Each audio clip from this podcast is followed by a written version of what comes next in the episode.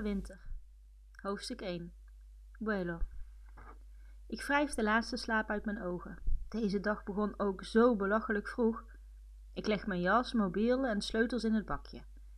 In het andere bakje komen mijn iPod en e-reader en ik verzeker de veel te wakkere man aan de andere kant van de band dat ik echt geen riem om heb of drinken bij me heb. Het poortje blijft stil. Opgelucht loop ik door en geef gehaast al mijn spullen weer een eigen plek. Dat vind ik de laatste tijd wel belangrijk, dat mijn spullen hun eigen plek hebben. Sommigen zullen het overdreven vinden, maar ik vind het gewoon fijn om zelf te beslissen waar alles komt. Nu kan dat, nu ben ik weer alleen. Zie je wel dat dat ook voordelen heeft? Niet veel nog, maar ik heb er weer één gevonden. Hoewel ik dit voordeel het liefst meteen op mijn lijstje zou willen schrijven, houd ik me in. iPad en e-reader in mijn rugzak, jas over mijn andere arm, zeul ik alles de trap op. Ik voel me nog niet helemaal wakker, maar ook in deze staat van half slapen is me wel duidelijk dat het ontwerp van dit vliegveld meer commerciële dan sociale doelen heeft behaald. Vanaf de douane loopt iedereen braaf de trap naar boven op. Sommigen nemen zelfs de lift, wat niet altijd logisch, maar ook vooral uit luiheid blijkt te zijn. Bovenaan de trap is er slechts één route naar de trap die je weer naar beneden brengt, waar de gates zich bevinden. Door de tax-free winkel. Hm, dat had makkelijker, korter gekund.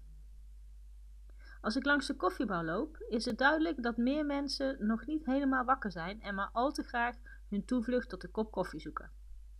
Helaas houd ik niet van koffie, wel van chocolade. En als ik op een lege stoel plof, is dat het eerste wat ik doe. Ik haal het zakje paaseitjes tevoorschijn en zoek enkele blauwe eitjes ertussenuit. Witte chocolade is vandaag het perfecte ontbijt, al zeg ik het zelf. Mijn e-reader helpt me om de spanning van mijn medereizigers te blokkeren. Ik heb zelf tenslotte al spanning genoeg.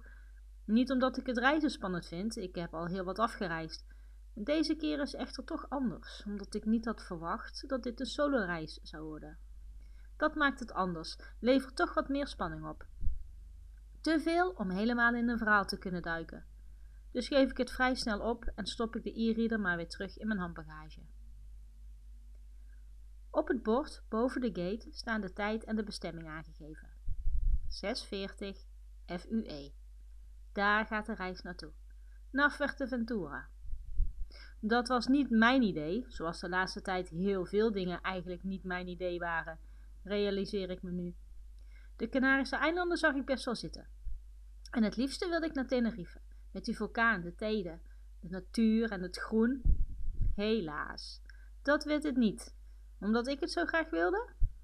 Het werd in plaats daarvan Fuerteventura, het stillere, bruinere, saaiere eiland. Of, volgens hem, het rustigere, authentiekere en ruigere eiland.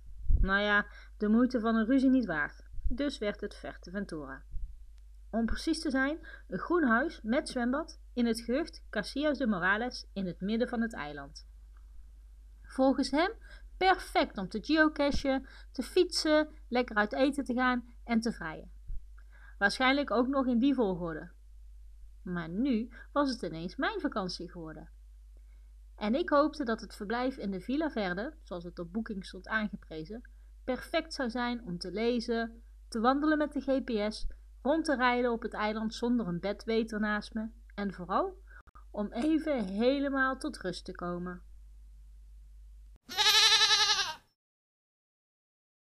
Tot zover het eerste deel van het eerste hoofdstuk van Villa Winter. Volgende week ga ik weer verder.